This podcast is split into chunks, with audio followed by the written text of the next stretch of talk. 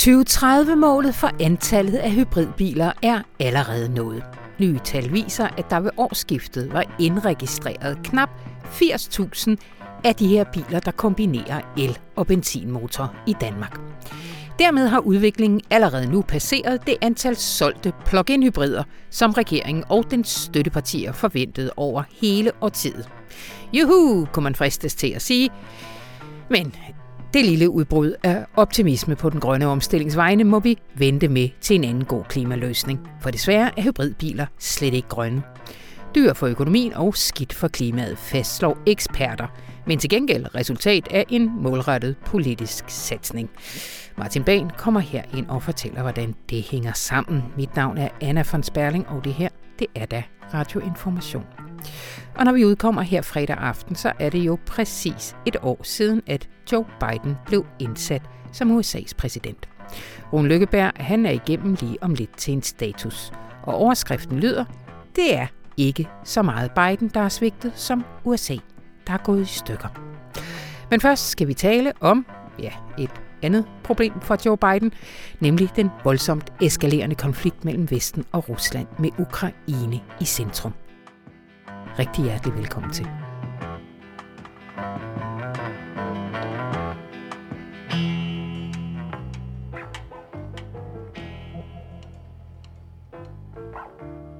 Konflikten har ulmet med varierende styrke siden Rusland i 2014 invaderede og annekterede halvøen Krim fra Ukraine. Og nu er den så rødglødende, at eksperter åbner op for muligheden for en regulær krig i regionen. Rusland har i hvert fald flyttet, de seneste tal er vist 127.000 soldater til grænsen til Ukraine, og Ukraine har kaldt reserven ind. Tirsdag advarede USA nemlig om et muligt angreb mod Ukraine fra Rusland. Rusland insisterer dog på, at landet ingen planer har om det. Og velkommen til dig, Johanne Breum Jacobsen. Tak. Journalist på Udlandsredaktionen. Altså, som jeg lige sagde indledningsvis, så er det her jo en konflikt, der har rødder tilbage til 2014, og der rødder selvfølgelig øh, mm. endnu længere tilbage. Men kan du ikke lige sige kort, før vi når til det aktuelle, hvad er baggrunden for den eskalering, vi har set her i slutningen af sidste år? Jo, Øhm, altså der, hvor at den nuværende optrapning ligesom starter, det er, som du selv nævner, øh, tilbage i november, hvor Rusland pludselig opmarcherer den her her ved Ukraines østlige grænse. Ruslands egen forklaring på, hvorfor man gør det, det er, at man føler sig troet, dels på grund af nogle interne spændinger i Ukraine, men også på grund af en række NATO-øvelser i Sortehavet. Øh, hvis man så zoomer lidt ud og går længere tilbage, både tilbage til annekteringen af Krim i 2014, men også endnu længere end det, så øh, handler det om, at efter den kolde krig, så var der mange af de her tidligere sovjetstater, der blev medlem af NATO, og, og det har Rusland ikke været så begejstret for. For ifølge den russiske opfattelse, så er det nemlig blevet aftalt mundtligt øh, tilbage i 1990, at NATO ikke måtte udvides mod øst. Så Putin kræver nu, at NATO stopper med at udvide mod øst, og han føler, øh, han føler sig uretfærdigt behandlet og vil have Vesten til at give ham nogle sikkerhedsgarantier. Øhm, og det indebærer så blandt andet, at Ukraine og Georgien ikke må blive medlem af NATO, og så er der også nogle andre krav, som handler om, at, øh, at NATO skal trække sine styrker ud af de tidligere sovjetrepublikker, øh, blandt andet så de baltiske lande. Øhm, og det er så det, man har forhandlet om, især i sidste uge, men der har så ikke været noget stort gennembrud endnu. Øh, for Vesten synes ikke, at de her krav er rimelige, så, så der er ret langt imellem parterne, kan man sige. Mm. Altså udenrigsminister, den amerikanske udenrigsminister Anthony Blinken, han besøgte Ukraine her onsdag, og der blev det bekræftet, at man har lovet Ukraine yderligere 200 millioner dollar, altså 1,3 milliarder kroner til at såkaldt støtte sikkerheden i lyset af den her russiske trussel. Og mm. de har tidligere givet 450 millioner dollar. Mm. Og altså fra europæisk side har man jo også set bevægelser, endda sådan fra dansk, at, at F-16-fly er, er, er rykket til Baltikum. Altså, har Rusland ikke, ikke i en eller anden forstand øh, ret i, at den her konflikt, den, den eskaleres øh, fra begge sider? Altså Rusland vælger i hvert fald at tolke det som en, som en optrapning fra vestens side også. Altså selvom man ikke har, man har jo ikke nogen planer om at sende øh, vestlige soldater til Ukraine, øh, men, men flere, der er jo flere NATO-lande, der har, har valgt at støtte Ukraine militært. Også for eksempel Storbritannien, der vil støtte med, med sådan nogle øh, defensive våben, øh, antitank-missiler. Og det tolker Putin som en aggression fra vestens side, øh, og som om, at NATO ligesom pumper Ukraine med våben. Øhm, så, så på den måde kan man sige, at selvom om det er et eller andet sted en trussel, som Rusland selv finder på, så foregår der en form for optrapning på begge sider, sideløbende med, at der så er de her forhandlinger i gang. Mm, mm.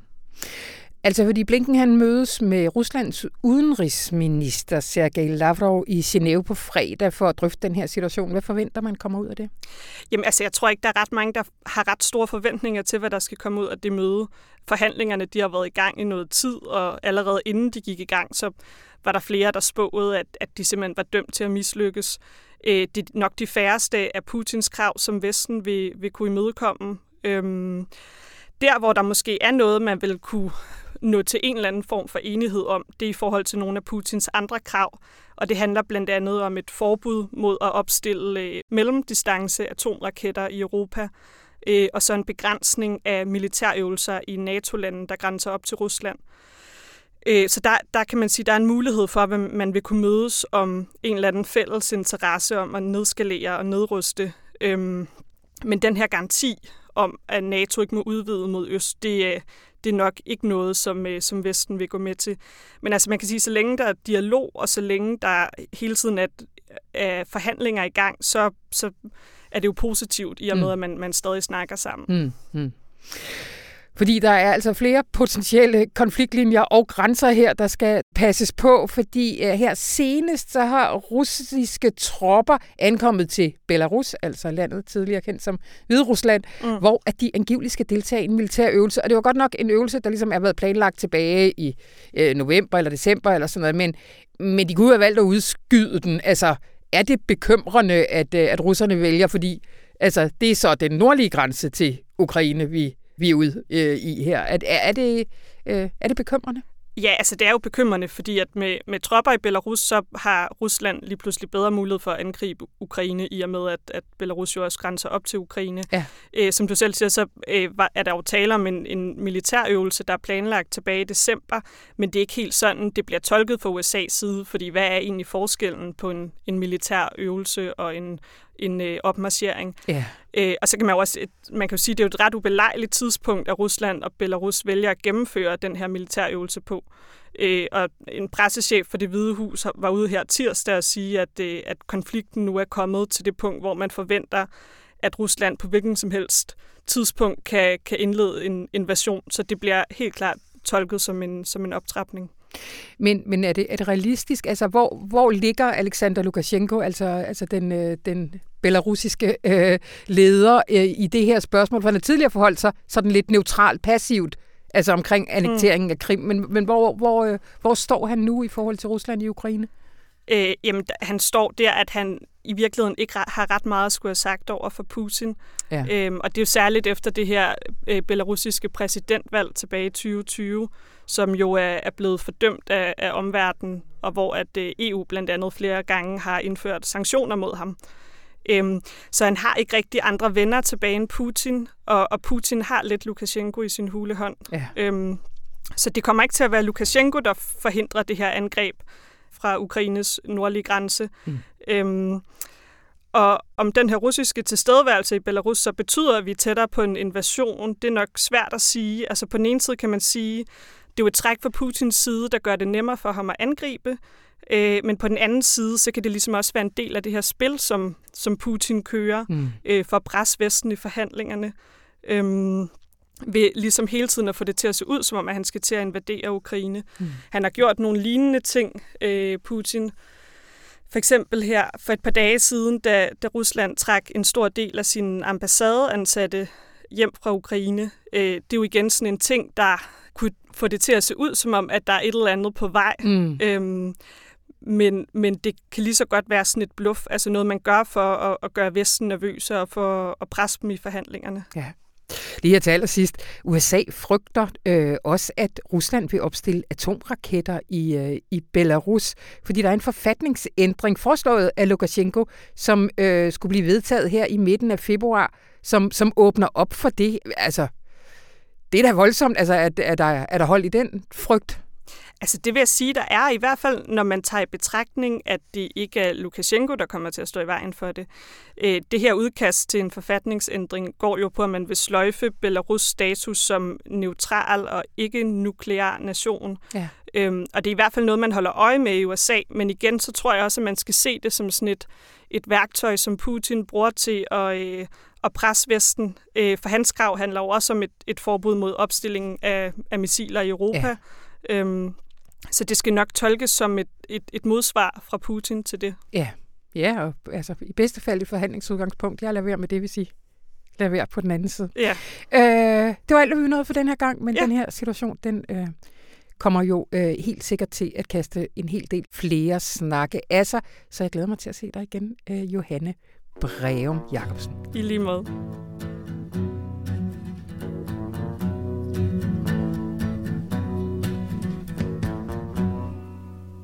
Hej Rune. Hej Anna. Bliver du hjemme, fordi det er bare helt vildt koldt i dag?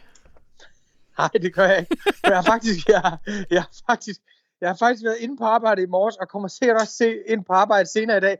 Men det er mere det her covid, det gør, at vi har sådan nogle fleksible liv. Så vi os frem og tilbage gennem byen. Og jeg vil gerne lige hjem og slappe lidt af, inden jeg skal på Lyngby Bibliotek i aften og fortælle om et år med Joe Biden som uh, præsident. det øh, vender vi lige tilbage til. Øh, men, men altså, nu sidder jeg og hænger dig ud. Det var fordi, jeg ikke var her i morges, da vi skulle optage. Fordi jeg lige ville vente med at se, om havnen stoppede. Ikke? Godt. Øh, Rune Løkberg, vi skal tale om øh, et år for Joe Biden, fordi vi optager her torsdag, men når denne øh, radioinformation rammer lytterne, så er det jo fredag aften, og så er det jo præcis et år siden, vi sad og havde så store forhåbninger, eller hvad? Tag os lige tilbage til for et år siden. Hvad tænkte du der? Jamen, vi har, jeg tror, man kan sige, at vi har været igennem tre Biden-bølger. Den første Biden-bølge var, åh oh, nej, republikanerne spiller et maksimalt kort. Trump, der vidderligt brænder hele lortet ned for at opføre et nyt hus. Og så tænker man, hmm, spændende. Det hele er brændt ned, nu kan man endelig lave verden om. Og demokraternes stærkeste kort, det er så bare en vag afglans af Obama, uden, uden Clintons charme og uden Obamas coolness. Mm. Det er ligesom det litterære plutokratis sidste kedelige suk. Mm. Den sidste reparatør af det gamle hus. Sådan var det jo først. Biden var det værste, der kunne ske. Mm. Biden var tilbage til den normalitet, der havde skabt alle problemerne. Men hovsa, så sker der jo det, at Biden vinder primærvalgene. Biden bliver kandidaten, og vi får corona, der ligesom udstiller USA's sociale elendighed på en måde, så alle må re- reagere på den. Og Biden, han allierer sig med Bernie Sanders, og Biden får sådan nogle tanker om, at han skal være den nye Franklin D. Roosevelt. Være en transformativ præsident, mm. der skal gennemføre kolossale reformer af Amerika. Og her er vi så i Anna og Runes Biden-bølge 2. For pludselig, for pludselig tænker vi, er det her i virkeligheden vejen til magten for venstrefløjen? Er det, at vi har en ekstremt stærk idéudvikling, nogle meget stærke bevægelser til venstre, og så får vi Old Joe til at gennemføre det hele, så får vi ligesom etablissementets ansigt, en eller anden form for man of the people, mm. en mand, der kan lave kompromiser. Og så det er jo ligesom Biden-bølge 2, og der skal man sige, at selvom vi to selvfølgelig har taget toppen af bølgen, og, øh, og, og bunden af havet, så er det jo noget, mange havde det sådan på, den tids, ja. på det tidspunkt. Altså, jeg interviewede den amerikanske historiker Gary Gerstle i langsomme samtaler for et års tid siden, og han sagde, at han var vildt imponeret over Biden, at det var det største projekt, han havde set i USA i 70 år, fordi Biden havde en plan om, at han ville lave en kæmpe grøn omstilling, der også skulle være et redningsprojekt for den amerikanske arbejderklasse. Ja. Og på det her tidspunkt, der, der har Biden jo også, eller demokraterne har også vundet de to senatssæder i Georgia, hvilket betyder, at de har 50 sæder i senatet, republikanerne har 50, og når det er uafgjort, så er det vicepræsidenten, der afgør det. Og det betyder, at pludselig har vi Sleepy Joe, der kommer riden ind på Bernie Sanders hest, og med Elizabeth Warrens manke. Og han har faktisk øh, flertal i begge kammer, og USA er, er brudt sammen på en måde, så alle ved, at der skal gøres noget. Så der er vi jo meget, meget op på, på, på Biden der.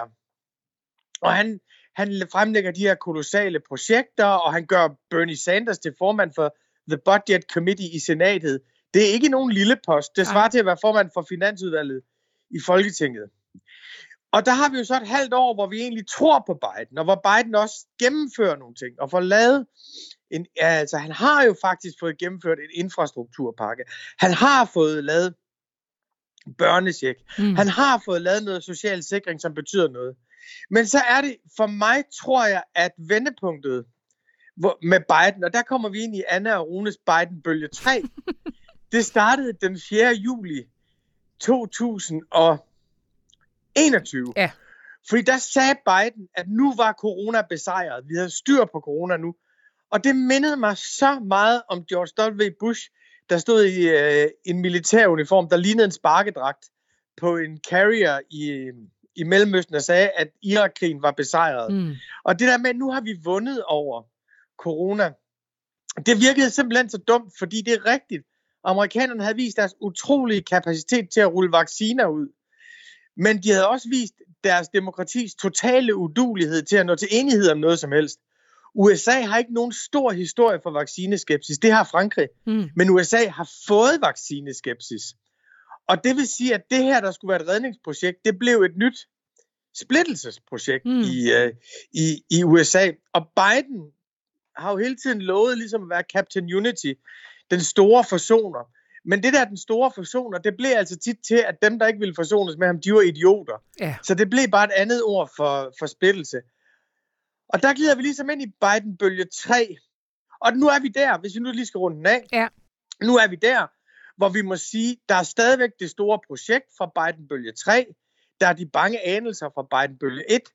Og så er der det, at Biden jo simpelthen ikke har kunne få sin store plan Build Back Better igennem. Ja. Fordi det har vist sig, at manden, der skulle forsone de to partier, han ikke engang kan forsone sit eget parti.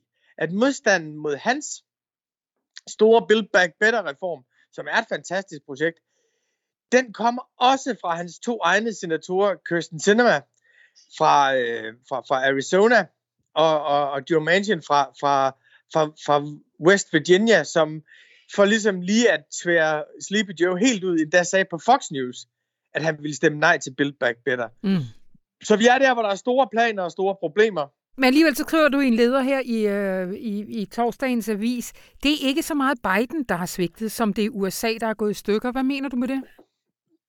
Jeg mener, at, at jeg tror, det ligger ligesom i vores politiske journalistik og i vores måde at anskue verden på, men også i den måde, politik bliver struktureret på i dag, at vi hele tiden ser på lederen som den store frelser. Mm. Og vi hele tiden, og sådan, altså, Mette Frederiksen er jo også det totale centrum i Socialdemokratiet. Macron er i Frankrig, Boris Johnson er i Tyskland osv.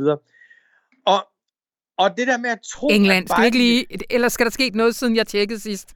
Og det er rigtigt. Ja. Boris er i England. Det er rigtigt. Boris er i England. Øh, hvad hedder det? Og, og der er ligesom sådan en tro på, at nu kommer Biden, og han redder os, og så kommer vi tilbage til normalen. Og fra normalen, der kan vi lave kolossale fremskridt. Eller nu kommer Biden, og han kan få noget helt nyt til at ske.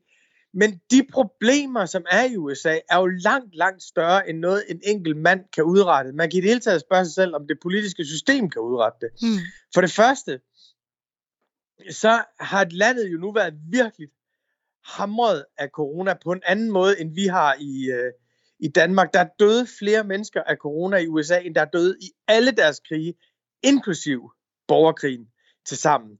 Og det har været sådan en ukoordineret, totalt kaotisk indsats. For det andet, så er det jo stadigvæk sådan, at de to halvdele af befolkningen har hver deres forestilling om, hvad der er virkeligt her i verden, hvad der sker og hvad der ikke sker. Øhm, for det tredje, så er vi i en altså så er vi i den her mærkelige forsyningskrise, hvor vi jo elsker det engelske ord, supply chain chokehold, forsyningskrise, kvælergrebet, men som jo gør, at energipriserne stiger, mm. og som gør, at du har inflation i USA nu. Og det betyder, at uanset hvor store offentlige investeringer Joe Biden laver, så vil folk opgive, opleve, at det er meget dyrere at transportere sig rundt. At det er meget dyrere at købe benziner og, og, og, og alle den slags ting. Og så er der en fjerde ting, som er, at forventningen til en amerikansk præsident er skabt i en anden æra. Altså vi har jo en forventning om, at en amerikansk præsident, han kan lige få russerne til at holde deres kæft og blive væk, og han kan lige tage til klimatopmøde og få det hele til at hænge sammen. Men den præsident er Joe Biden jo ikke, for det land er USA ikke længere. Nej. Så Joe Biden kan ikke føre an i en grøn omstilling. Xi Jinping lavede en fantastisk kommentar inden COP26 i Glasgow, hvor han sagde, jamen man kan jo godt vælge at forhandle med Joe Biden, hvis man tror på det også ham, der er der om tre år. Man kan også vælge at forhandle med os, for vi er der om 50 år. Så, så det er jo, altså, USA's stilling i verden er slet ikke den samme. Og så vil jeg sige en sidste ting, som er, at det der Afghanistan er på en eller anden måde en katastrofe for Joe Biden. Men jeg tror stadigvæk, jeg synes, han gjorde det rigtige. Men det blev ligesom Joe Biden, der fik ydmygelsen efter 20 års mislykket krig. Mm. Det var ham, der sagde, lad os stoppe det. Lad os komme ud. Og også sagde noget, som jeg synes var modigt, som var, at det er altid grimt, når USA trækker sig ud. Altså, dermed sagt, at der er ikke nogen god afslutning på det her, men det er ikke noget argument for at blive for altid.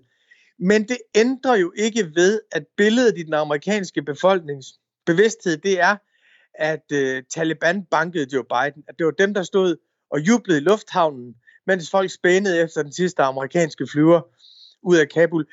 Så jeg tror, at jeg kan sagtens finde på områder, hvor Biden har været en kæmpe skuffelse, og hvor jeg synes, han har været en klovn. Jeg synes, han taler om verden som om, at vi lever i 1990'erne. Mm. Jeg synes, det er ham der, der skulle være den, uh, den kæmpe store forhandler. Se lige den politiske sneker. Hvad han ikke kan udrette med to stykker træ, det er ikke værd at have stående i sin stue. Og han har været, altså, det har han jo været elendig. Han er gået tre gange op på Capitol Hill til kongressen, og er gået derfra med, med nederlag. Ja.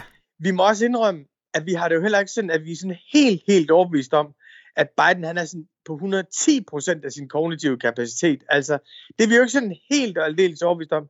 Så man kan finde masser af ting, der er galt med Biden. Jeg synes mm. bare, når man ser på landet, økonomien, krisen, polariseringen, det demokratiske forfald, det er altså langt, langt større end en enkelt mand kan, kan frelse det, eller et enkelt parti kan løse det i en, i en enkelt periode. Så i stedet for at behandle alle som frelser og blive enormt skuffet over dem, så må man sige, jeg synes, han slås med det, han kan. Ja. Nogle ting har han udrettet, som har gjort livet bedre for folk, der har brug for det.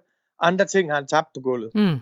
Lige her til sidst, Rune, altså, kan han vende øh, skuden, eller hvad var det, krikken, der var billedet før? Altså, får vi en øh, Anna og Rune fase 4, øh, Joe Biden? Jamen, ja, altså, der er en ting, der er helt sikkert, og det er at, at efter hver eneste bølge, der er der kommet en ny bølge, og vi har aldrig forudset, hvad der var i den bølge. Og jeg kan sagtens optage en scenario, hvor jeg siger, der kommer midtvejsvalg til næste år. Republikanerne står relativt stærkt der. Biden kan ikke investere så meget mere, som han kunne tidligere, fordi inflation er blevet et virkelig eksisterende problem i USA. Han ejer nu covid-nederlaget, så jeg kan sagtens se bølge 3 fortsætte, men jeg er egentlig også rimelig overbevist om, at der også sagtens skal ske noget, der vil gøre det bedre for mm-hmm. Sagtens. Mm-hmm. Og det er jo det, vi har lært. Og så vil jeg sige, hvis man skal have en optur over det, ikke? Mm-hmm. så synes jeg faktisk, at altså, jeg synes, vi skal have en optur. Og jeg synes faktisk, at Biden har sagt noget, der er helt fantastisk. Det er, han blev spurgt om, øh, han blev spurgt om, hvordan han selv synes, det var gået. Så sagde han, don't think of me as the almighty. Think of me as the alternative. Og det synes jeg er enormt sjovt sagt at se. I stedet for at se mig som frelser, så se, hvem jeg er kommet i stedet for. Og det er jo rigtigt. Det er jo rigtigt. Det er jo rigtigt. Det er jo rigtigt. Vi vil jo hellere have en alt for menneskelig, lidt, lidt svag og affældig mand, der trods alt er under stærk indflydelse på Bernie Sanders, end vi vil have Donald Trump. Ikke? Præcis. Optur. Optur. Og tusind tak, Rune Lykkeberg. Tak, Anders.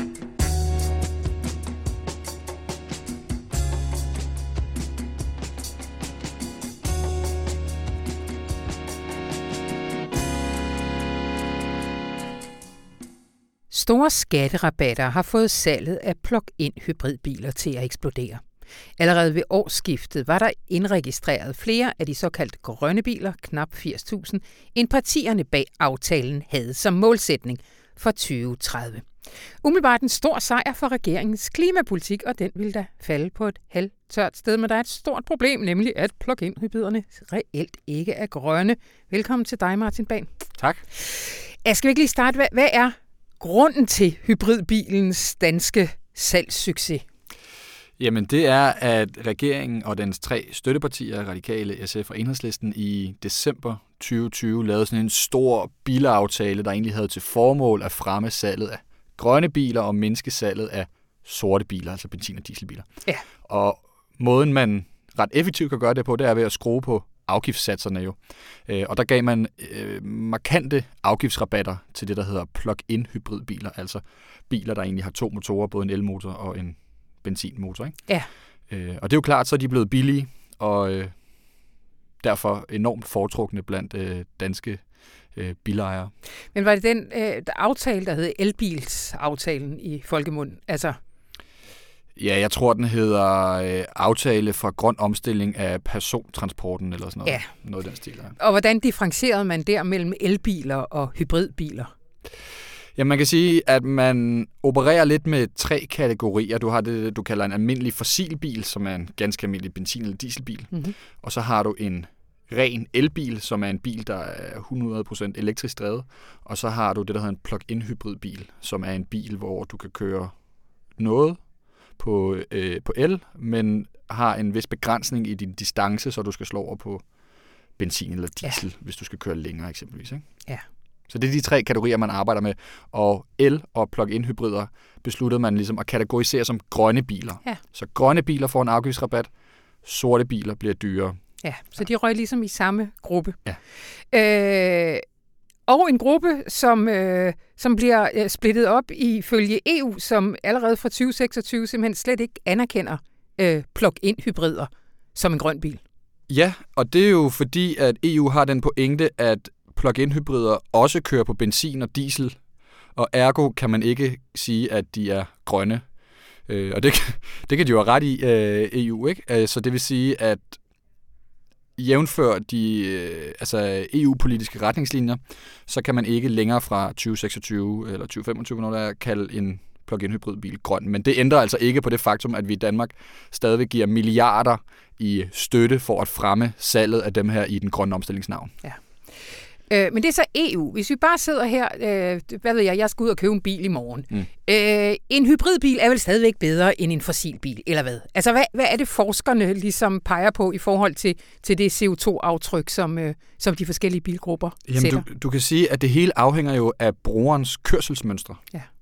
Altså, du har jo muligheden for at køre på ren el i en plug-in hybridbil, og nogle biler, de kan så måske køre 40-50 km på ren el. Hvis du skal længere end det, så skal du kører på, øh, på, øh, på fossile brændsler. Så det afhænger af brugerens kørselsmønstre, og, og det er jo enormt svært at måle, fordi at øh, det er jo, altså så skal vi ud og se, hvordan alle folk de kører i deres biler. Ikke? Men der er faktisk nogle studier, øh, mestendels internationale, som har undersøgt det her. Der er blandt andet kom i august et stort tysk studie, der er på baggrund af 100.000 øh, plug-in hybriders øh, kørselsadfærd havde målt, jamen, hvor grønne er de egentlig? Ja. Og det, det studie kom frem til, det er, at de altså udleder to til fire gange så meget, som vi hidtil troede, Ja. øh, og faktisk i visse tilfælde er lige så klimaskadelige som benzin- og dieselbiler.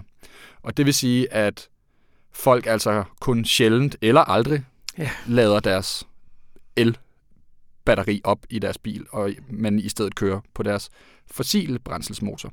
Øh, Det er den ene del af det, og det andet er så, at de også er mere klimaskadelige i selve produktionen, blandt andet fordi de jo har to motorer, både en elmotor og en brændselsmotor, mm. øh, hvor en benzinbil og en elbil jo kun har den ene. Ikke?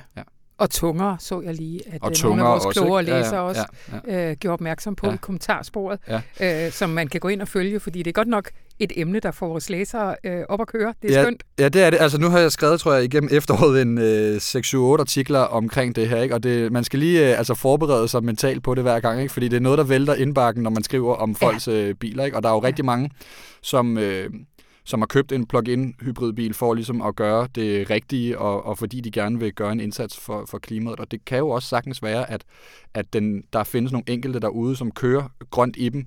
Man må bare sige, at når studierne kigger empirisk, bredt set, på rigtig mange biler sammen, så tyder det på, at de her biler slet ikke er grønne, sådan som vi ellers troede. Nej. Men vi giver en stor skattebillet, og det gør vi øh, i en aftale, som efter planen først skulle genbesøges i 2025. Men nu siger støttepartierne, altså øh, SF og Enhedslisten, at de ønsker, at den bliver taget op så hurtigt som muligt. Mm. Og lidt fodslæbent er de radikale Ja. nu også øh, kommet med. Øh, hvad er det, de ønsker, at øh, skal ske? Jamen man kan sige, de er også altså blevet lidt overrasket over den her ja. udvikling, ikke også? Fordi at da de lavede den her bilaftale i december 2020, så tænkte de, vi skal have 775.000 grønne biler på vejene i 2030. Og 90% af dem skal være rene elbiler, og så skal bare lige 10% være de her plug-in hybridbiler. Det, der så rent faktisk er sket, det er, at salget af plug-in hybrider er eksploderet meget mere, end nogen af dem overhovedet havde forventet. Ikke? Altså, de regnede med, at der skulle være de der 77.500 plug-in hybridbiler så på vejene i 2030, altså allerede ved årsskiftet her, hvor vi er oppe på 80.000. Ikke? Ja. Øh, så det er gået markant hurtigere. Øh, og der Over er det... for kun 66.000 elbiler, var det sådan? Ja, 66.000 ja. elbiler, tror ja. jeg. Ikke? Ja, ja, så, så der, er, der bliver ligesom i 2021, der er blevet solgt flere øh, plug-in hybrider, end der er blevet solgt elbiler. Og, og, og det var altså ikke intentionen øh, for nogen af dem. Vel? Og det er det, de siger nu. Hov, vi må lige ind og rette op på, øh, på det her, og så vil de ind og mindske den skatterabat, som vi giver til plug-in hybrider. Ikke? Ja. Og øh, aftalen er skruet sådan sammen, at man over tid vil til gode se elbiler, og det har man gjort ved, at afgiftsrabatten til plug-in hybrider egentlig falder år for år. Okay. Så hvert år, der går, så bliver det lidt mindre attraktivt for dig og mig at købe en plug-in hybridbil, fordi rabatten bliver mindre. Øh, men det, de så siger, det er, at den skal vi altså have skruet endnu hurtigere ned, ja. for ligesom at få, få bremset den her udvikling. Ikke? Ja. Tilbage står så regeringen, og de afviser umiddelbart i et svar til dig at uh, genbesøge aftalen lige nu. Hvad er, hvad er deres argument? Jamen, må, skatteminister Morten Bødskov, det er ham, der ligesom er chef for det her område, kan man ja. sige. Øh, han vil ikke begynde at pille ved afgifterne, bilafgifterne på nuværende tidspunkt, siger han. Han har øh, efter den her kritik er blevet frembragt igen og igen det seneste års tid, så har han ligesom først sagt, at øh, det her det drejer sig bare om internationale studier og øh, kørselsmønstrene i Norge og Tyskland og Holland osv. Der er ikke lavet et stort ordentligt studie af de danske kørselsmønstre endnu. Så det, vil han, det har han ligesom bedt Danmarks Statistik om at ligesom lave en analyse på. Ja. Og det venter han lige nu svaret på, og, og den vil han gerne læse, inden han, han foretager sig yderligere, siger han. Ja, det er ikke rimeligt nok. Jo, det kan du sige. Altså, der er så småt. Hvis man ringer til, til de kloge hoveder rundt omkring på universiteterne, ja. der ved rigtig meget om det her, så vil de sige, at vi er allerede begyndt at få tal fra kørselsmønstre i Danmark. Der er begyndt at blive lavet lidt øh, forskellige undersøgelser, og de peger altså i retning af, at de undersøgelser, der er blevet lavet i Norge og Sverige og Holland og Tyskland osv., øh, altså stemmer meget godt overens med, hvad vi ser i Danmark også. Ikke? Ja. Øh, men det er jo sådan lidt, altså... Øh, et ømt område, det her, fordi at bilafgifter er jo virkelig noget, som, øh, som den enkelte dansker rundt omkring går meget øh, op i, ikke? og det er noget, som kan påvirke ens private økonomi helt enormt meget. Ja. Øh, så det Men er også trods alt, jeg kom til at tænke på i, i artiklen, han siger sådan noget med, at de danske bilkøbere skal kunne øh, stole på og forventninger. Altså det lyder lidt som om, man taler om et, et huskøb eller Jamen, det, det er det. vel trods alt ikke det, vi taler om, at man skal kunne kende øh, økonomien mange år frem, før man laver et Ja, det ved jeg ikke. Nej, men der er, et, der er et stort hensyn til bilbranchen i det der, fordi at det, man har set før, det er den her, øh, det man har kaldt en stop-and-go-politik, hvor der var i slutningen af, af den øh, forrige regering, altså øh, øh, VK-regeringen, hvor man så, at man ligesom friholdt elbilerne fra afgifter sådan et år gang. Et år, ah, gang, ja. et år gang. Ja. Og så gik salget hele tiden i stå, og, og folk var sådan lidt, hvad pokker sker der med, ja. øh, med, øh, med elbilerne til, til, til næste år, og hvad sker der med priserne på fossilbiler til næste år, så videre, ikke? og så står det hele, og så står man ligesom og afventer på, om man skal bruge en halv million på en bil, eller en kvart million, eller hvor meget ja. det nu er. Ikke? Så det han siger, det er, at nu har vi altså sagt til både øh, bilbranchen og til, øh, til, til befolkningen, ja. at, øh, at det sådan her afgiftssystemet ser ud, så skal de også kunne stole på det. Så nytter det ikke noget, at vi i tid og utid øh, ombestemmer os og bliver vælsindet i det og sådan noget. Ikke? Nej, ja. nej. Ja. Øh, den køber vi så. Men øh, Anton Geis, han skriver en, en, en leder om det her i torsdagens aviser, hvor han skriver, at der er smertelig erfaring med subsidiering af biomasse, der ligeledes blev kaldt grønt. Det har du jo også skrevet en masse om. Ja. Altså, der er vel nogle paralleller der. Vi, altså, hvad er det, det hedder? Vi asfalterer også lidt, mens vi kører lige nu på de her løsninger, og det skal der vel være rum for at erkende, at vi ved bare lidt mere lige nu. Ja, præcis. Altså klimaomstillingen er svær på den måde, fordi ikke nok med, at vi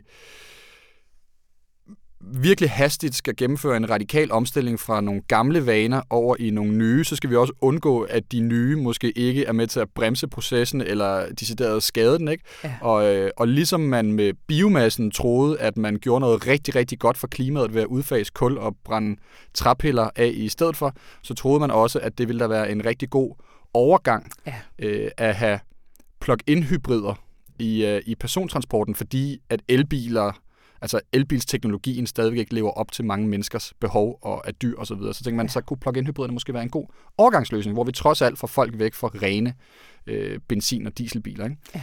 Det har så bare vist sig, ligesom med biomassen, at der ikke rigtig er nogen klimagevinst ved det, og derfor er det, at alle øh, kloge mennesker og eksperter, de siger, at det giver ingen mening, at vi kaster milliarder efter noget, som ingen klimagevinst øh, giver, og det kunne vi bruge meget bedre, de penge. Tror du, regeringen kommer til at holde fast i det her?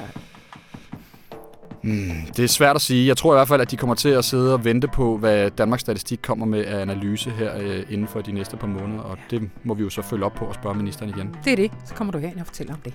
Klar. Tusind tak, Martin Bag. Selv tak.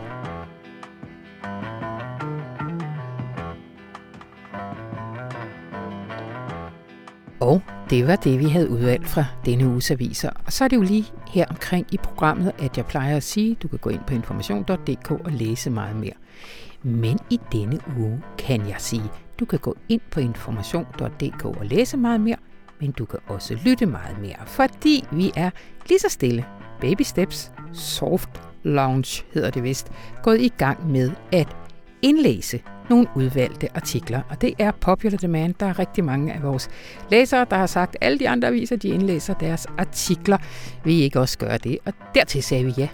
Så vi er gået lige så stille i gang, og i den her øh, uge kan du blandt andet høre vores fremragende USA-korrespondent Martin Burkhardts analyse af Joe Bidens første år, læst op af Rasmus Bo Sørensen. Så gå, øh, gå derind og gå i gang med det, og så lover vi, at der kommer meget mere, og om nogle uger kommer Rasmus også ind og fortæller om det. Og det var alt, hvad jeg havde for denne gang. Mit navn det er Anna von Sperling, og det her program det var gjort så lækkert af Anne Pilegaard Petersen. Og så ønsker jeg dig en dejlig weekend.